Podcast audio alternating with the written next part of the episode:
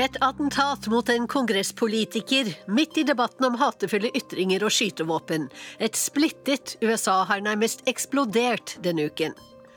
På fredelige Losby Goods utenfor Oslo har de derimot snakket om fred og forsoning. Colombianerne forsøker å bygge opp tilliten til hverandre, mens sørsudanerne har savnet en helt bestemt person. Det alle spør om er hvor er Hilde? Hvor er Mrs. Hilda Johnson? Vi skal direkte til Paris for siste runde i parlamentsvalget, og et slags punktum på et år som har snudd opp ned på Frankrikes politiske landskap. Også i Sverige er det politiske landskapet i endring. Stadig flere hos de konservative moderaterne krever partilederens avgang. Og det skal handle om skjønnhet og frihet i korrespondentbrevet fra Beirut. En by der frisører drar fingrene skeptisk gjennom håret mitt og bemerker at det ikke er helt som libanesiske kvinners hår. Og der jenter med perfekte røde negler ser spørrende på mine, som ofte er knekt og flekket av blekk. Vel møtt til Urix på lørdag, jeg heter Wenche Eriksen. Et polarisert USA eksploderte nærmest denne uka da en mann som hadde jobbet som frivillig for demokraten Bernie Sanders, skjøt for å drepe på baseballtreningen til republikanske kongresspolitikere. Det skjedde samme dag som foreldre som mistet barna sine under massakren på barneskolen Sandy Hook i Connecticut, var samlet i Washington. Debatten om hatefulle ytringer og tilgangen til skytevåpen går i alle retninger i medier på høyre- og venstresiden. Og den er vond. This afternoon we released a statement noting that the subject name was James Hodgkinson, 66 years of age, Belleville, Illinois. He succumbed to his injuries at the hospital FBI-agent Tim Slater forteller at gjerningsmannen James Hodgkinson døde på sykehuset. Det er onsdag ettermiddag og pressekonferanse i den stekende sola utenfor idrettssenteret til KFUM i Alexandria like utenfor Washington. Vi pressefolk blir holdt bak den gule teipen som sperrer av gata ned mot åstedet 100 meter unna baseballbanen der bl.a. senator Rand Paul ble vitne til terroren samme morgen. Our lives were saved by the Capitol Hill police. Had they not been there, I think it would have been a massacre. And you are completely helpless. Dette kunne utviklet seg til en massakre, fortalte han til CNN. The shooter has been in Alexandria, Virginia area since March of this year. Gjerningsmannen har oppholdt seg her siden mars, forteller Tim Slater. I lommene hans fant FBI en liste med navn på konservative republikanske politikere. Steve Scalise er en slik politiker. Han kjemper fortsatt for livet på et sykehus i Washington etter å ha blitt skutt i hofta. Mannen som skjøt ham, skrev på Facebook-sida si at han hatet republikanere, og han hadde jobbet frivillig for Bernie Sanders. Debatten om polariseringen i Trumps USA har vært intens de siste dagene. Her er tidligere presidentkandidat og Fox-kommentator Mike Huckabee.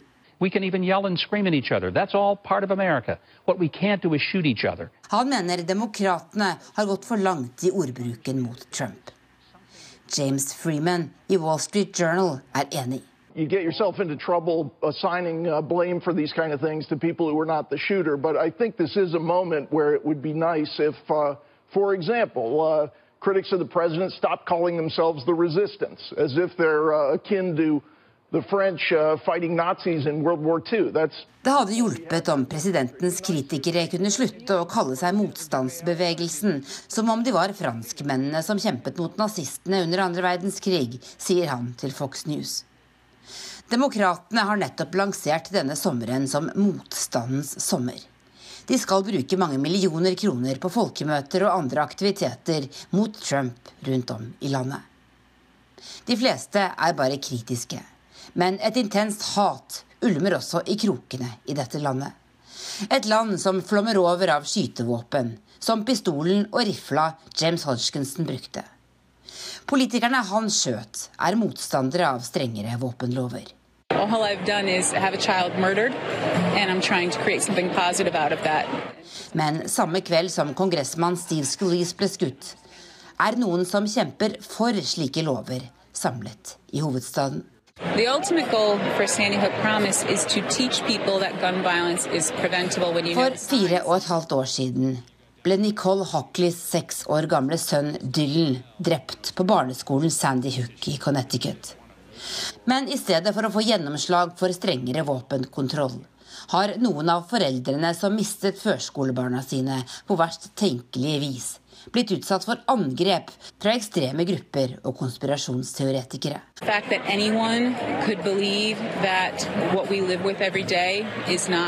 True, or that my son never lived, or that my son never died, or I'm a crisis actress is. At noen kan tro at sønnen min aldri levde eller aldri døde, er kvalmende og forkastelig, forklarer Hockley til NBC. Det var egentlig ikke Hockley, men NBC-programleder Megan Kelly som skulle være konferansierer på middagen for pårørende etter Sandy Hook-massakren. Men Kelly fikk ikke lov til å komme av foreldre som Hockley. For i morgen sender NBC intervjuet hun gjorde med en av dem som har sagt at massakren på barneskolen aldri skjedde. These tyrants haven't figured it out yet that information warfare is a two-way street. Radioprogramleder og redaktør for høyrenettstedet Infowars, Alex Jones. Sandy Hook. Well, Sandy Hook's complex because I've had debates where we've devil's advocates said the whole story's true, and then I've had debates where I've said uh, that none of it's true. When you say parents faked their children's death, people get very angry. Yeah, well, that's oh, I know. But they don't get angry about the half million dead Iraqis from the sanctions, or they don't get angry about all the That's a illegals pouring dodge. in. No, no, it's not a dodge. Jones er blant dem som hevder at Sandy Hook-massakren var fake news. Et komplott for å presse fram strengere våpenlover og fjerne oppmerksomheten fra andre saker. NBC har fått knallhard kritikk for å stå fast ved å sende intervjuet med Jones, men de har sagt at de kommer til å gjøre det. Hvordan skal USA leges og amerikanerne komme sammen? Republikanere og demokrater prøvde torsdag kveld, da baseballkampen mellom de to partienes lag, som Steve Scalise trente til, fant sted på Nationals Stadium. Demokratene vant baseballkampen og ga trofeet til Steve Scalise. Men mange frykter at samhørigheten mellom amerikanske politikere denne kvelden vil være kortvarig. Og sykehuset som Steve Scalise ligger på, sier at den hardt eh, sårede kongress kongressmannen eh, er nå på bedringens vei.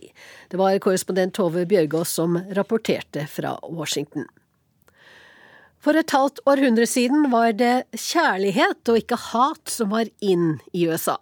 Denne helgen er det nøyaktig 50 år siden Monterey-festivalen i California, som regnes som starten på hippiebevegelsens Summer of Love.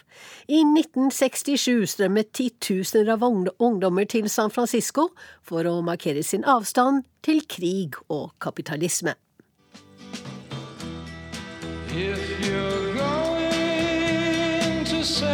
Sommeren 1967 fylte horder av unge mennesker San Francisco i California.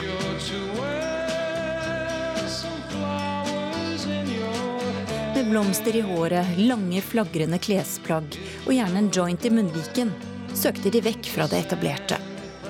Det var antimilitarisme, antikommersialisme, kjærlighet, fri sex, narkotika og rock'n'roll. Det var The Summer of Love.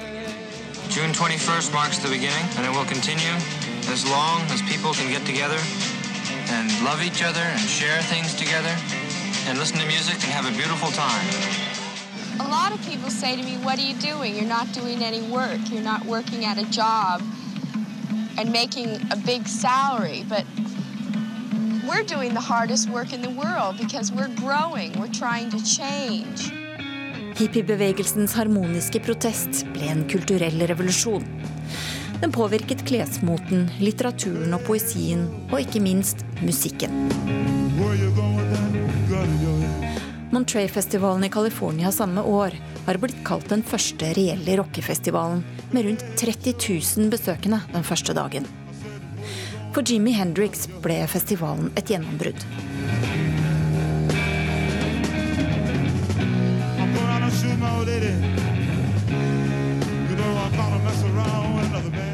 Rundt 100 000 unge fra hele verden fant veien til Hate Ashbury-området i San Francisco denne sommeren.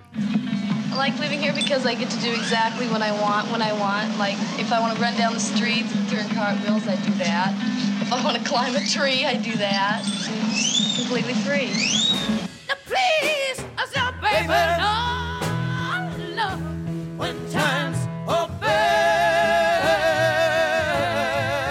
Blant likesinnede hadde de funnet inspirasjon og reiste hjem igjen fulle av idealisme, skaperkraft og pågangsmot. Lav kvadratmeterpris gjorde at en del ble igjen i bydelen, og lot hippiekulturen blomstre. For andre raknet det etter for mye fyll, dop og psykedelia. Sa reporter Elisabeth Aansum. Turistmyndighetene i San Francisco håper denne sommeren på storinnrykk av ungdommelige pensjonister som forsøker å gjenskape hippiestemningen fra den gang da. Og rockefestivalen i Monterey er tilbake denne helgen, på nøyaktig samme sted, på nøyaktig de samme datoene, og med noen få av de samme artistene som da. Men billettprisen den har endret seg fra tre dollar per dag i 1967 til 105 dollar i dag.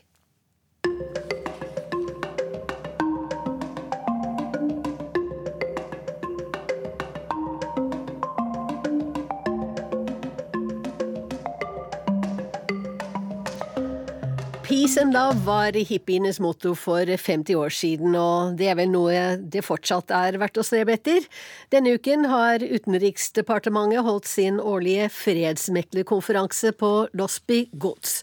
Og tross tørke, borgerkrig og flyktningstrømmer, Sør-Sudan snegler seg mot en mulig forsoning og deretter fredssamtaler.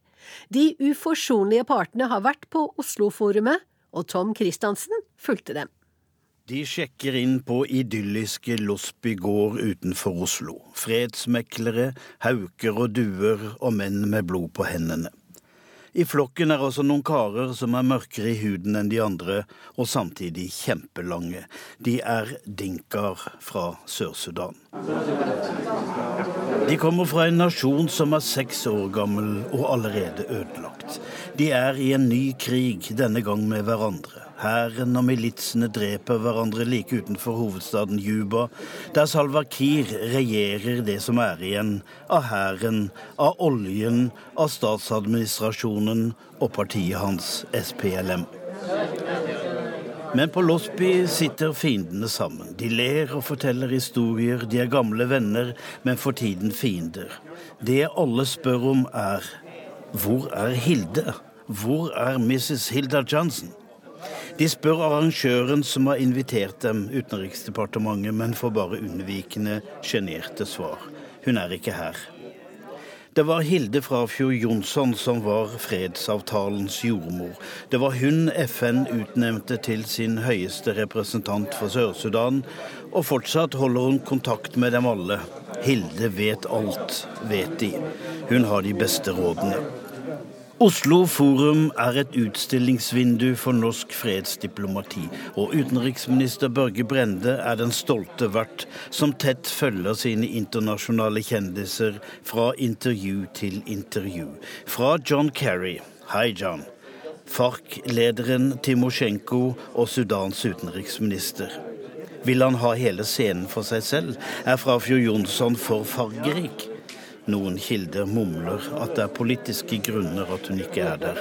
Kristelig Folkeparti går mot Arbeiderpartiet, og Frafjord Jonsson kan bli minister i den neste regjering. Sørsudanerne, de som kom, har skapt en katastrofe med blod, sult, korrupsjon. Militser dreper regjeringssoldater, men så drar de til Oslo og ser ut som gode venner. Sammen drar de til byen for å finne Hilde, og de finner henne hjemme. Men er ikke dette litt rart? Ja, Det er ikke første gangen, for å si det sånn. Dette er det lang historie for i både Sudan og Sør-Sudan. De er eh, veldig gode på eh, å møtes i uformelle sammenhenger. Og mange av dem har gått på skole sammen og er gamle kamerater fra årvis tilbake. Eh, og har slåss i bushen sammen også. Og, så eh, er de da nå per definisjon fiender. Eh, men når de samles på denne måten, så sitter vitsene løst, og eh, til tider også drikken. Men Kan det bli noe politikk ut av det? Forsoning? Fred? Det er jo eh, først og fremst gjennom å møtes ansikt til ansikt at man kan få til ting. Og dette har vi jo eh, lang erfaring for. Både i Sudan og Sør-Sudan var det jo gjennom uformelle bakkanaler at vi klarte å, å etablere eh, grunnlag for formelle samtaler. De har snakket om en våpenhvile, og de kom et stykke på vei med å diskutere hvordan de skal etablere et opphold av krigen. Men dette er vanskelig. President Salva Kiir leder et splittet parti, SPLM. Den avsatte visepresidenten Riek Mashar har flyktet og sitter i eksil i Sør-Afrika, som har gått med på å holde ham unna hjemlandet. Han sitter vel i et gyllent bur. En rekke fraksjoner forsøker å samles, men alle vet at the two big men, Salva Kiir og Riek Mashar, må med, selv om de hater hverandre. Men hva vil partiene egentlig dypest sett? Det er vanskelig å si for øyeblikket. Jeg har jo en god del kontakt med eh, de ulike aktørene eh, fortsatt, eh, på begge sider.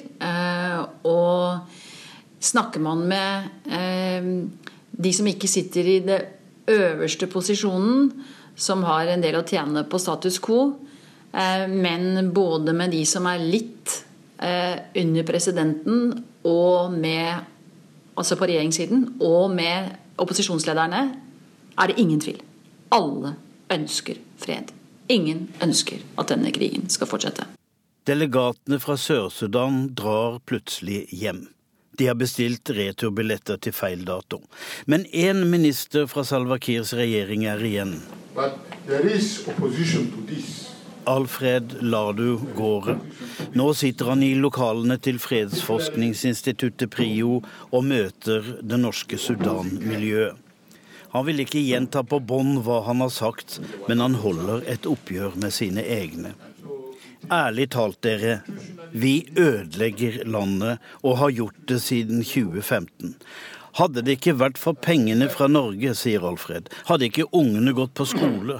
Nilen renner mektig gjennom landet, men folk har ikke rent vann. Vi kunne hatt motorveier og universiteter. Oljepengene, spør du. Hvor det ble av dem? Alfred svarer selv. Eliten i landet har stjålet dem. Han er selv kjent for å være ukorrupt, han og et par andre, men han definerer ikke hvem eliten er.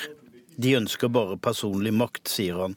Vi har 64 stammer, de har alle hver sine eliter, og de hjelper bare seg selv. 20 milliarder amerikanske dollar har de stjålet. 20 milliarder. Jeg spør Alfred, landbruksministeren, om han kan gjenta det han har sagt på bånd. Nei, det kan han ikke. Han har ikke tid, for flyet går, og først må han ut og få kjøpt seg et par sko. Og noen som er kommet lengre på fredens vei, er partene i Colombia. Også de har vært i Oslo denne uken. Det er mange sterke følelser og mye glede, sier lederen for FAIC-geriljaen til NRK. I fjor skrev han under fredsavtalen med den colombianske regjeringen, og om få uker går han og hans folk fra å være en gerilja til å bli et politisk parti. Ingemarit Kolstad Bråten har møtt Rodrigo Londoño, bedre kjent som Timosjenko. Det er mange sterke følelser, og vi er veldig glade og lykkelige over at det går denne veien. Det er kommentaren fra FARC-geriljaens leder om hvordan det er å gå fra krig til fred. Og hvordan det er å gå fra å være kommandant til å bli en politisk leder. End, uh, anymore, you know moment, Rodrigo Lodonio, som er best kjent under kallenavnet Timosjenko, har vært i Norge denne uka, på invitasjon fra utenriksminister Børge Brende. Norge spilte en sentral rolle for fredsavtalen, som i fjor ble underskrevet mellom geriljaen og myndighetene.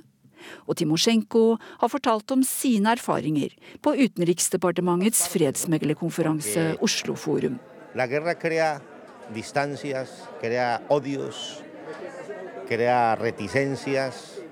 Det har vært vanskelig å skape tillit, for krigen skapte mye hat og mistillit, sier Timosjenko.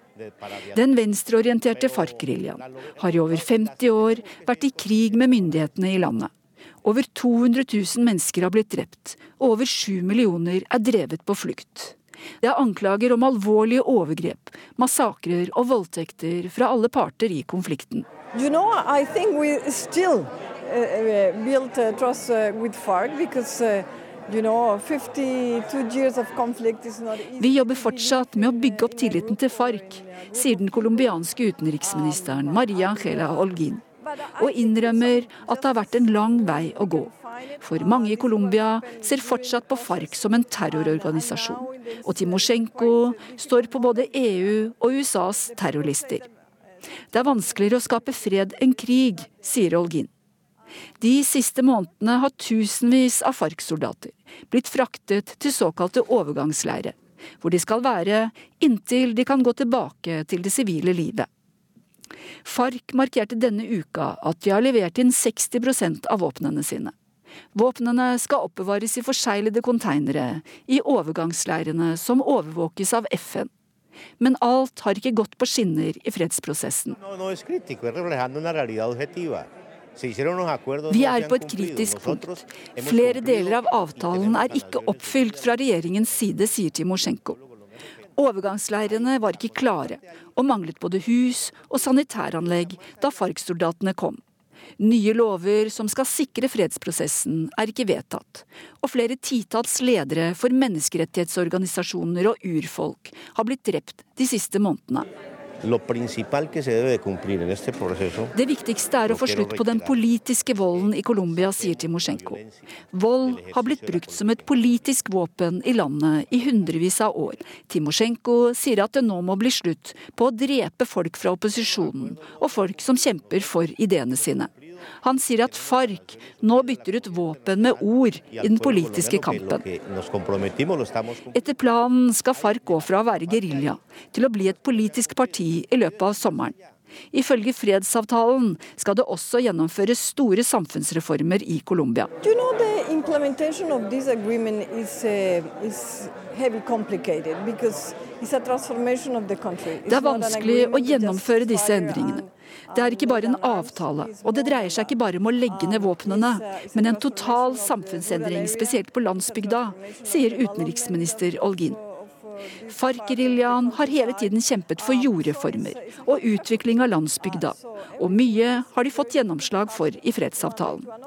På tross av problemene sier både geriljaen og utenriksministeren at de er optimistiske, og at det ikke er noen vei tilbake nå. Timosjenko er spent på hvordan det blir å gå tilbake til det sivile livet.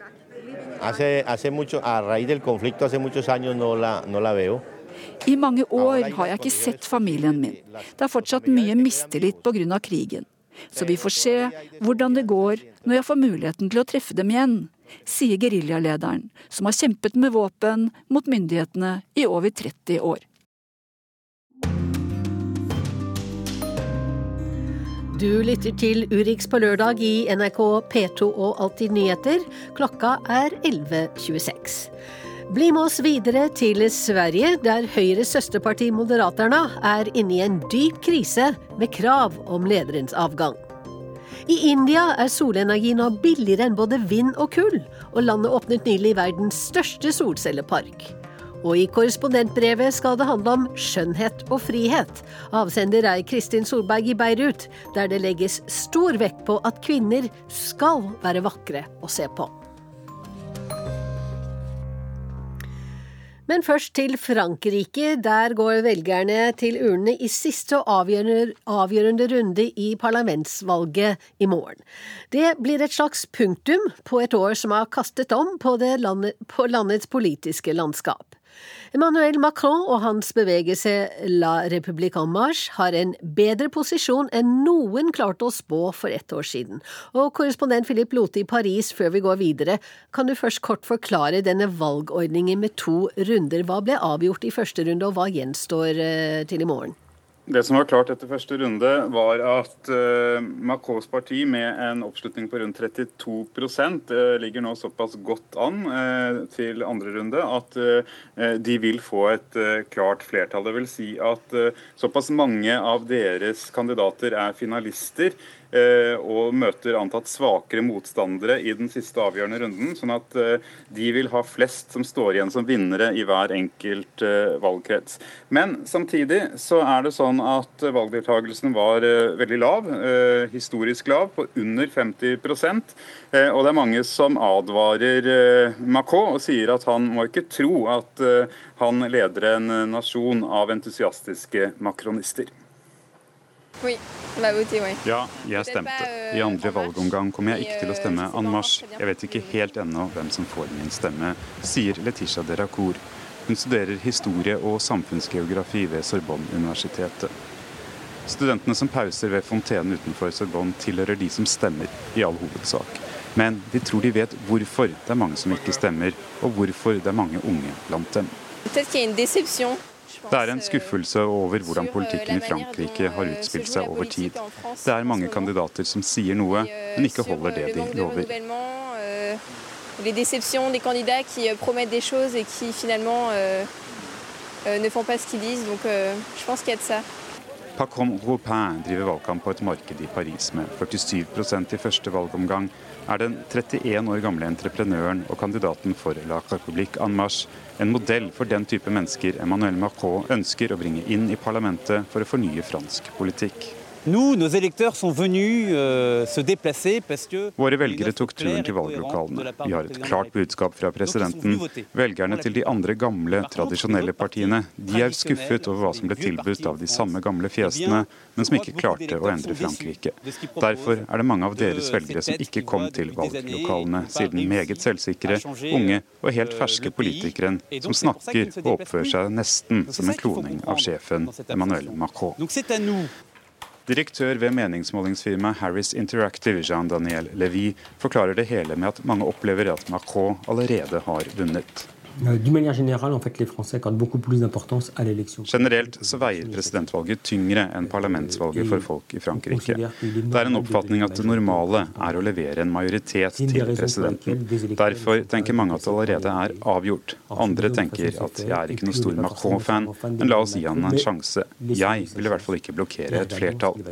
Dette er et problem for den politiske forankringen i Frankrike, men ikke et problem med tanke på å sikre et styringsdyktig flertall for de neste fem årene, sier avoir une majorité forte au sein du Parlement et que celle-ci ne lui sera pas contestée euh, au cours des mois ou des années à venir. Politiske kommentatorer advarte etter første valgomgang mot å tro at Frankrike befinner seg i en tilstand av utilslørt makromania.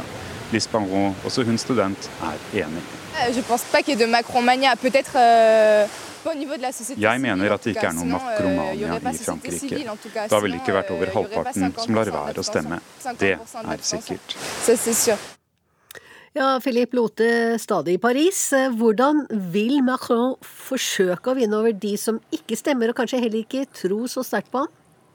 Ja, Det han ønsker er å levere på det han har eh, lovet, eh, og han ønsker å fornye politikken. Altså, det er jo Sosialistpartiet som ligger an til å gå på et enormt tap, kan miste 200 representanter i eh, parlamentet. Eh, samtidig så har jo La Republica Mars sagt at halvparten av deres kandidater skal være uten storpolitisk erfaring. De skal komme fra andre deler av samfunnet og bringe en fornyelse inn i parlamentet.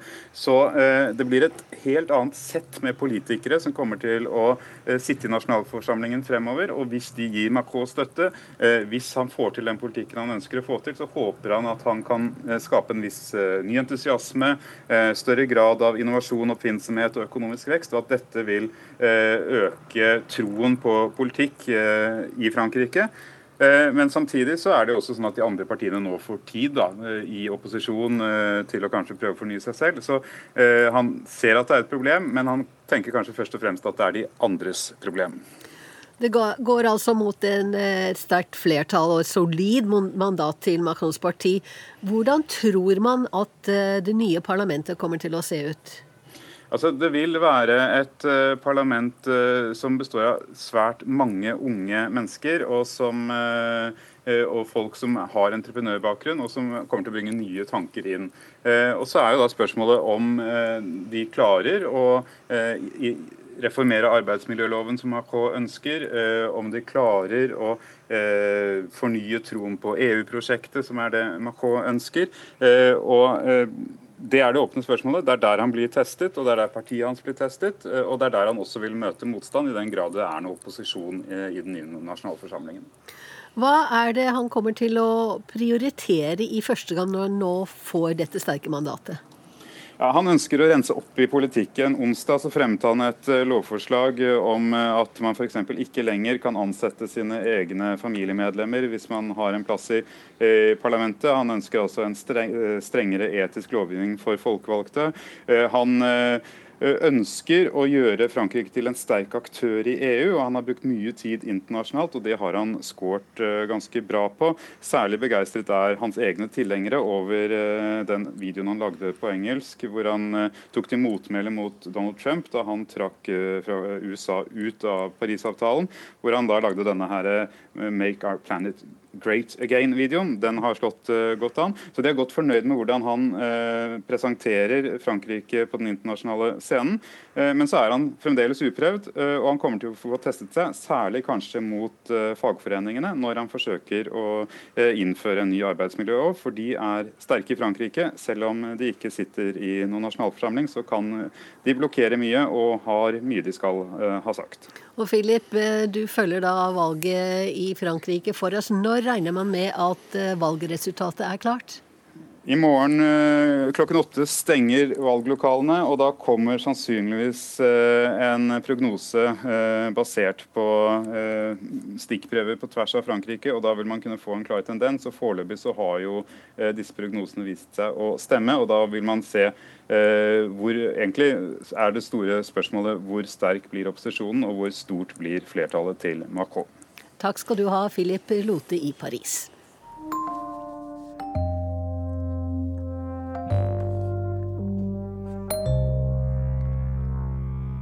Også i Sverige er det politiske landskapet i endring. Høyres søsterparti, Moderaterna, er inne i en dyp krise og har stupt på meningsmålingene i det siste. Innad i partiet krever stadig flere at partileder Anna Kinberg Batra må trekke seg, og det er særlig én beslutning tatt av partilederen som er bakgrunnen for krisen.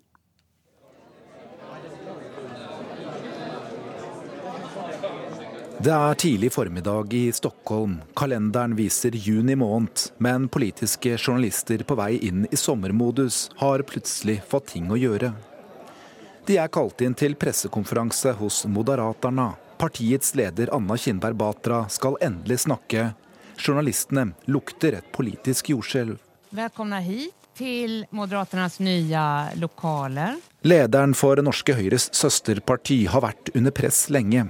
Et drøyt år før svenskene går til valg, skulle hun vært et klart statsministeralternativ for Sverige.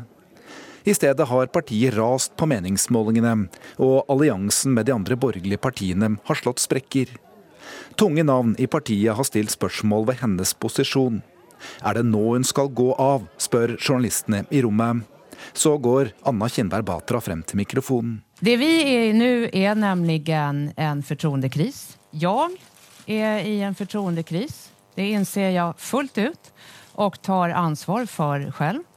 Hun går ikke av, men velger å vakle videre, slik svenske medier beskriver det. For hvordan skal partiet som for et drøyt år siden var Sveriges største, komme seg ut av krisen? Det gir ikke Anna Kinberg Batra noe klart svar på. Jeg er beredt å gjøre det som kreves for at vi skal komme sterkere ut det her. Og jeg spør da stemmen om vi til ny partiordfører kan velge Anna Kinberg Batra. Ja. Svaret er ja. Er besluttet også enhellig? Svaret ja. En gang så alt så mye bedre ut. I januar 2015 blir Anna Kinberg Batra løftet opp på scenen i Stockholm av stående applaus. Hun er nettopp valgt til ny leder av Moderaterna etter Fredrik Reinfeldt, helt uten konkurranse. Partiet har nylig tapt et valg, men Stefan Löfven leder det som blir sett på som en svak regjering. Få tror han vil overleve lenge. Fremtidsutsiktene for Batra er gode. Takk, kjære ni. Når man står her, ser man hvor mange som også har kommet hit i dag. Det er fantastisk å kjenne det her i denne salen. Og lenge går det bra. Stefan Löfvens regjeringsprosjekt får en tung start. Det innvandringskritiske partiet Sverigedemokraterna er et uromoment i Riksdagen. Anna Kinberg Batra kan ta makten med støtte av Sverigedemokraterna, men gjør det ikke. Til SVT slår hun flere ganger fast at partiet skal holdes ute i kulden. Ja, de skyller jo alle Sveriges problem på innvandring. Er det de rasistiskt rasistisk parti? Da er det jo rasistisk. Da steller man jo grupper mot hverandre og sätter etiketter på, på andre mennesker. Batra sier også noe som skal bli et problem for henne senere. Jeg vil ikke samarbeide med Sverigedemokraterna, og det beror jo på at de ikke har løsninger på Sveriges samfunnsproblem.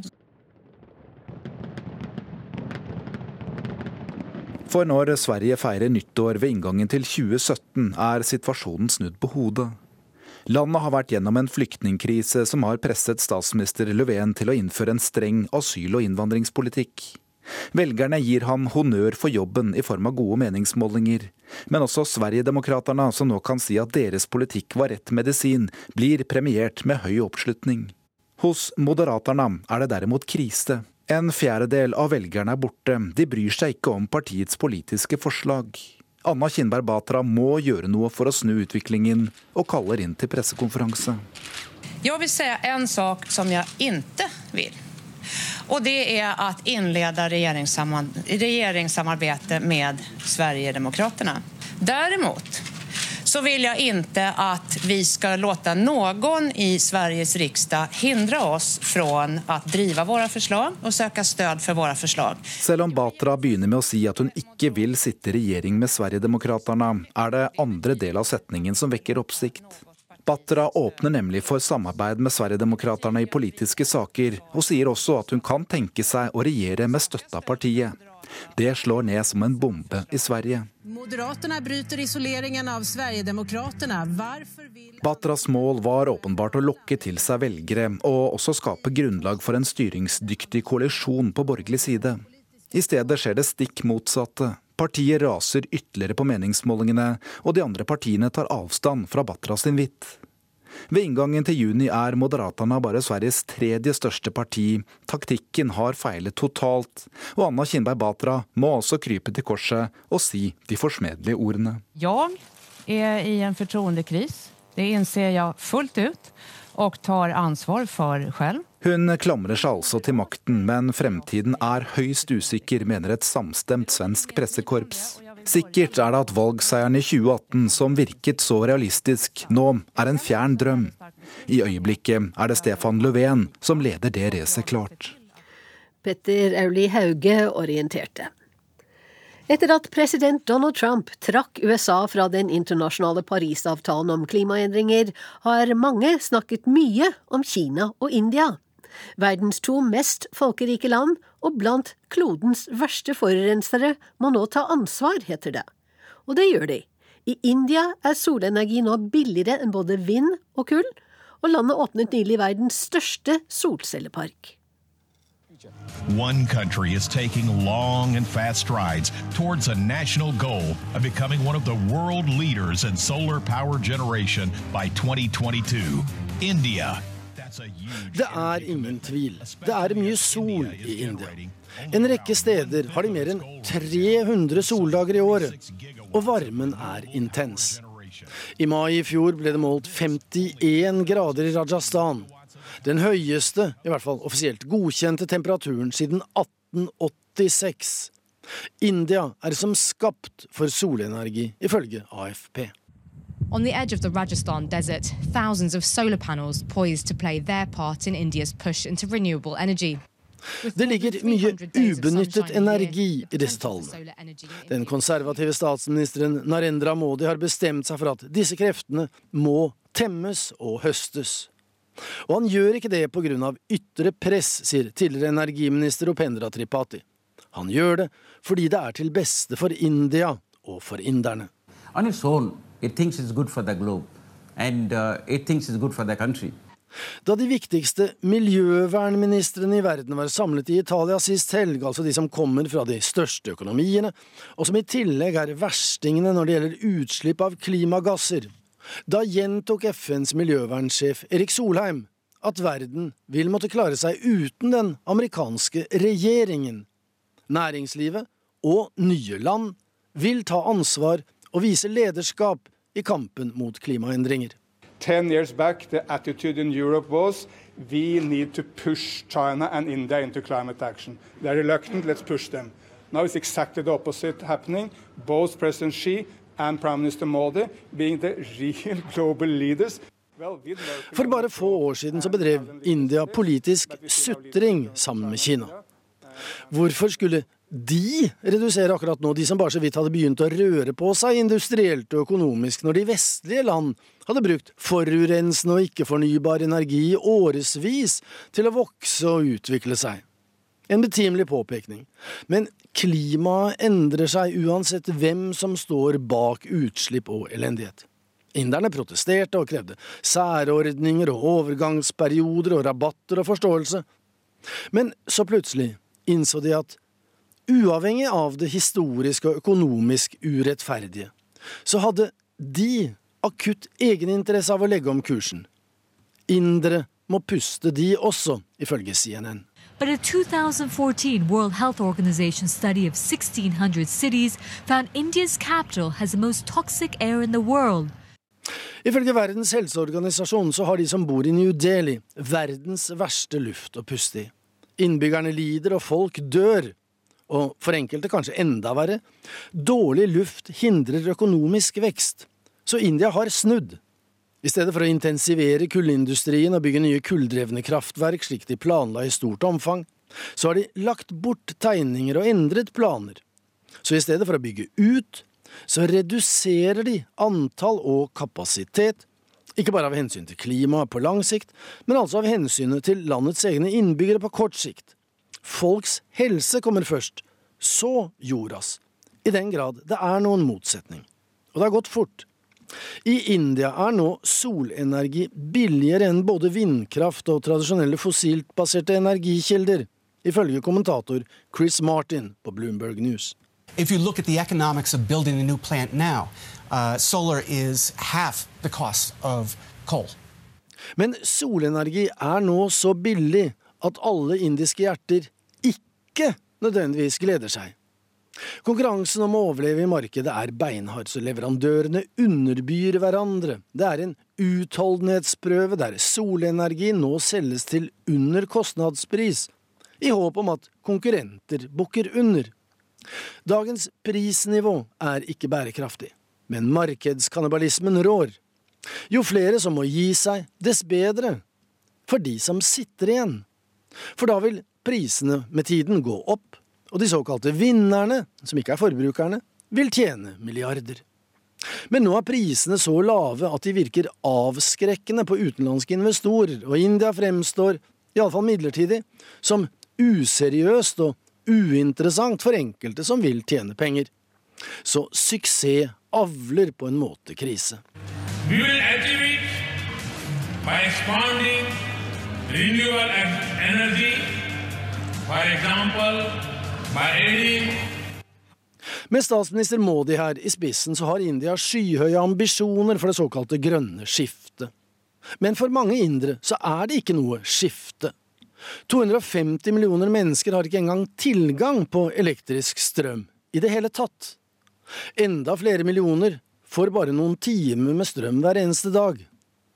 I perioden 2010 til 2012 bodde jeg i New Delhi, i hjertet av hovedstaden, i det som så fornemt kalles den diplomatiske enklave. Selv der gikk strømmen, så godt som hver eneste dag. India er fremdeles et u-land når det gjelder strømforsyning. Men myndighetene gjør en imponerende innsats for tiden. Enorme arealer dekkes av solcellepaneler. Behovet er skrikende, men etterspørselen noe mer lavmælt. For der det ikke finnes kraftmaster og infrastruktur eller penger, vil vedsanking, kumøkk og kull fremdeles være mer aktuelt enn solenergi i mange år fremover. But by backing solar, India wants to show the world it has a vision of a cleaner and brighter future. Så det er langt frem, og det skal dessverre forurenses mye før India er i mål.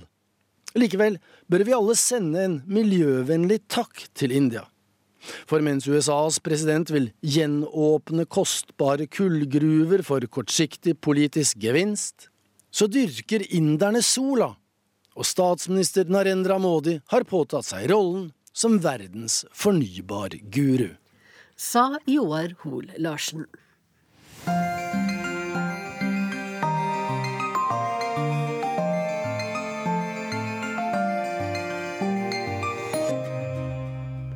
Ukens korrespondentbrev handler om skjønnhet og frihet. Avsender er Kristin Solberg i Beirut. Hun sitter bak rattet da hun henter meg en varm kveld denne uken. Det åpne smilet er det samme, øynene likeså. Men noe er annerledes. Håret er mørkere, har en tettere farge. Jeg farget bort det grå, sier hun, mens hun manøvrerer bilen gjennom trange gater. Vi er på vei til et middagsselskap. En venninne har overbevist henne kvelden før, sagt du kan ikke gå rundt med grått i håret. Jeg føler meg litt dum som ga etter for presset, men moren min blir sikkert glad, sier hun. Litt senere sitter vi rundt et langbord. Min venninne er i godt selskap.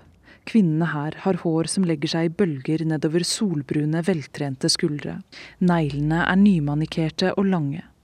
Hælene på skoene er høyere enn jeg noensinne har klart å gå i. Den eldste rundt bordet ser ikke ut som hun er en dag over 50, selv om hennes barns alder antyder at hun nærmer seg 70. Et øyeblikk ønsker jeg at jeg hadde sminket meg mer, kanskje investert i en hårføner. Men slik det er uansett en tapt kamp i Beirut, en by der frisører drar fingrene skeptisk gjennom håret mitt og bemerker at det ikke er helt som libanesiske kvinners hår og der jenter med perfekte røde negler ser spørrende på mine, som ofte er knekt og flekket av blekk. Dette er en by der jeg bare må slå meg til ro med å være den mest uflidde i de fleste sosiale settinger. Beirut og skjønnhet, de er nærmest synonymer. Libanesiske kvinner sies å være de vakreste i Midtøsten, ja, kanskje i hele verden, avhengig av hvem du spør. Det er et rykte de jobber hardt for å opprettholde, Spinningstimene her er fulle av dem som vil forbrenne mest mulig fett, selv om de nesten ikke har noe. Til frisørsalongene kommer fransktalende kvinner som ser ut som de gikk ut derfra dagen før. Til Botox-salongene kommer de over 30. Nå som det er sommer, blir det hele enda mer intenst. Perfekte kropper i bikini poserer på reklameplakatene langs veiene ut av byen, og pilatestimene er fulle av dem som ønsker å se akkurat slik ut. De er kanskje vakre, men så er de heller ikke redde for å fikse på utseendet, sa en venninne, en palestinsk-jordansk billedkunstner, en kommentar ikke uten en viss syrlighet. Da jeg bodde i Beirut første gang i 2006, la jeg merke til at mange kvinner hadde bandasjerte neser. De var på restauranter, barer, gikk vandrende rundt som om ingenting var skjedd. Hva var dette? Hadde de fått en på trynet? Falt i en trapp? Hatt et uhell i kickboksingtimen? Nei, de hadde operert nesen.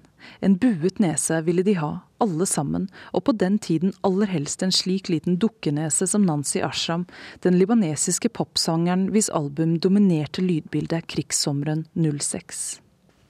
Mens kvinner i Vesten ville forsøkt å hemmeligholde en slik operasjon, gikk libanesiske kvinner stolt rundt med bandasjen, for den var i seg selv et statussymbol. Den viste omverdenen at de hadde penger nok til å gjøre det. Nå elleve år etter er det færre bandasjer i gatene.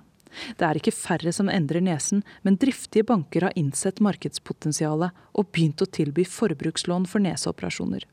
Nærmest alle kan gjøre det nå. En bandasjert nese er ikke lenger noe å skryte av. Bankene har skjønt at det også er marked for mer. Jeg har sett reklameplakater med en smilende far og datter og ordene Gi din datter den aller beste gaven, et perfekt smil. Det var reklame for lån for kosmetisk tannkirurgi. Beirut blir kalt hovedstaden for kosmetisk kirurgi i Midtøsten. Legene er dyktige, klinikkene mange, og de tiltrekker kvinner fra hele den arabiske verden. Jeg besøkte en gang en av klinikkene for en reportasje. På bordet på venterommet lå en brosjyre der det sto 'La ikke hendene røpe alderen din'. Inntil da hadde jeg aldri forestilt meg at det fantes plastisk kirurgi for å få hender til å se yngre ut. Jeg forsøkte å motstå trangen til å se bekymret på mine egne hender. Under intervjuet med klinikksjefen kom en kvinne inn. Leppene var grotesk store. Hovne, lilla, som om de var vrengt ut av seg selv. Hun hadde villet overraske sin ektemann, som neste dag skulle komme hjem fra Dubai med nye lepper.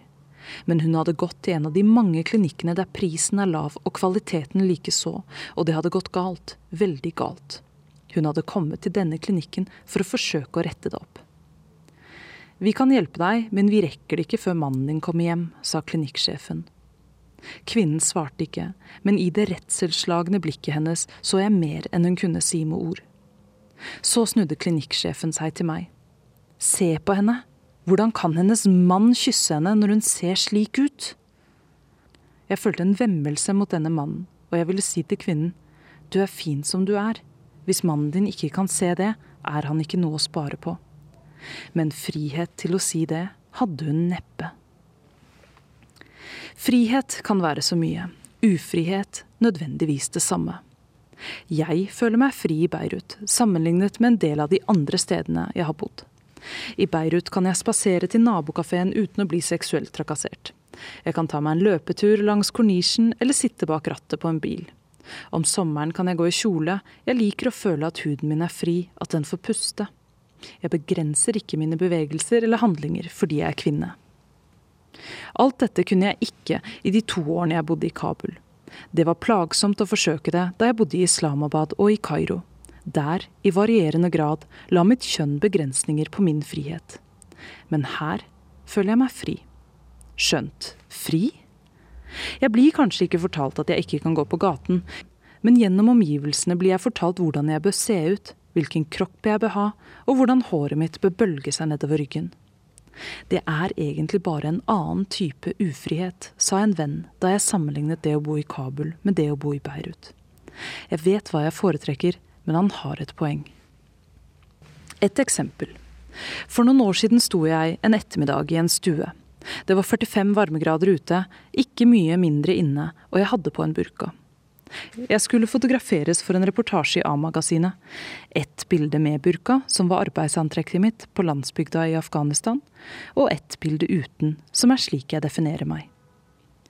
Kledd i en burka gjør gitteret foran øynene at det blir vanskelig å se. Nylonstoffet foran munnen gjør det vanskelig å puste. Sansene reduseres, bevegelsene hemmes. Så også denne gangen. Svetten rant nedover ansiktet, nakken og ryggen. Uten tilstrekkelig oksygen holdt jeg på å besvime. Jeg forbannet burkaen. Hvilket kvinnefiendtlig plagg. Den er et mobilt fengsel. Jeg var lettet da jeg kunne trekke burkaen over hodet. I minnet slenger jeg den i bakken, men jeg tror jeg bare la den fra meg på en stol. Men så kontrasten. Kameraet var det samme. Rommet var det samme. Heten likeså. Men jeg var en annen. Brått var jeg bevisst hver kroppsdel, hver skavank. Stakk magen for mye ut? Var ikke smilet mitt skjevt, tennene litt for gule? Og så håret flatt ut på en måte som fikk pannen til å virke uforholdsmessig stor?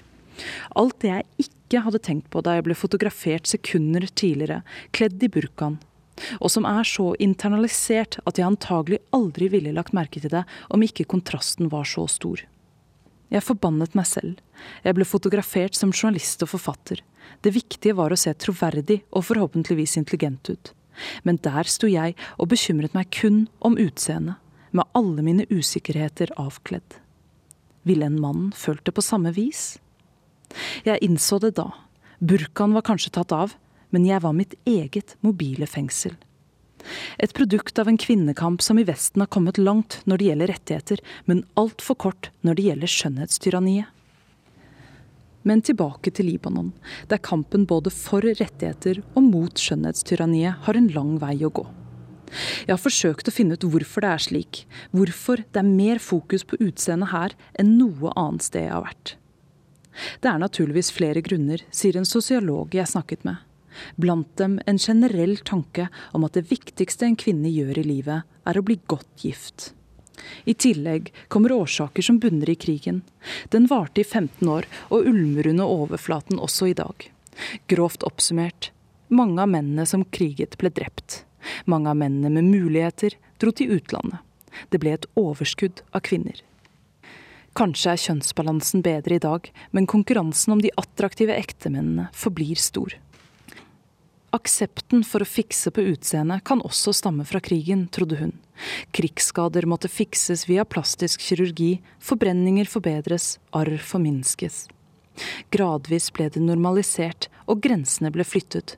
Hvorfor ikke i samme slengen fjerne rynkene, det ekstra fettet? Den plastiske kirurgien ble kosmetisk. Det er så utbredt nå i alle samfunnslag. Jeg har møtt kvinner hvis familier ikke har hatt råd til å sende henne til universitetet, men som likevel har klart å hoste opp penger så hun skulle få en neseoperasjon, sa sosiologen. Kanskje er det ikke så rart. Over hele verden har man en tendens til å verdsette en kvinnes utseende mer enn hennes intellekt. Så hvorfor skulle ikke investeringer være deretter? Her skal hun likevel bare finne en ektemann. Så hva med meg, lar jeg meg påvirke av skjønnsfokuset rundt meg? Det ærlige svaret er ja. Eller svaret er ja, dessverre, til tross for at jeg vet bedre. I kampen mellom intellekt og følelser vinner dessverre ofte følelsene. Hvis jeg skulle tatt bilder med og uten burka igjen, er jeg redd jeg ville hatt akkurat samme reaksjon. Men reaksjonen på min egen reaksjon ville antagelig bare ha vært enda sterkere, og det er i det minste et skritt i riktig retning. Teknisk ansvarlig for Urix på lørdag var Stein Nybakk, produsent Marit Semmer Nederlid, og her i studio satt Wenche Eriksen.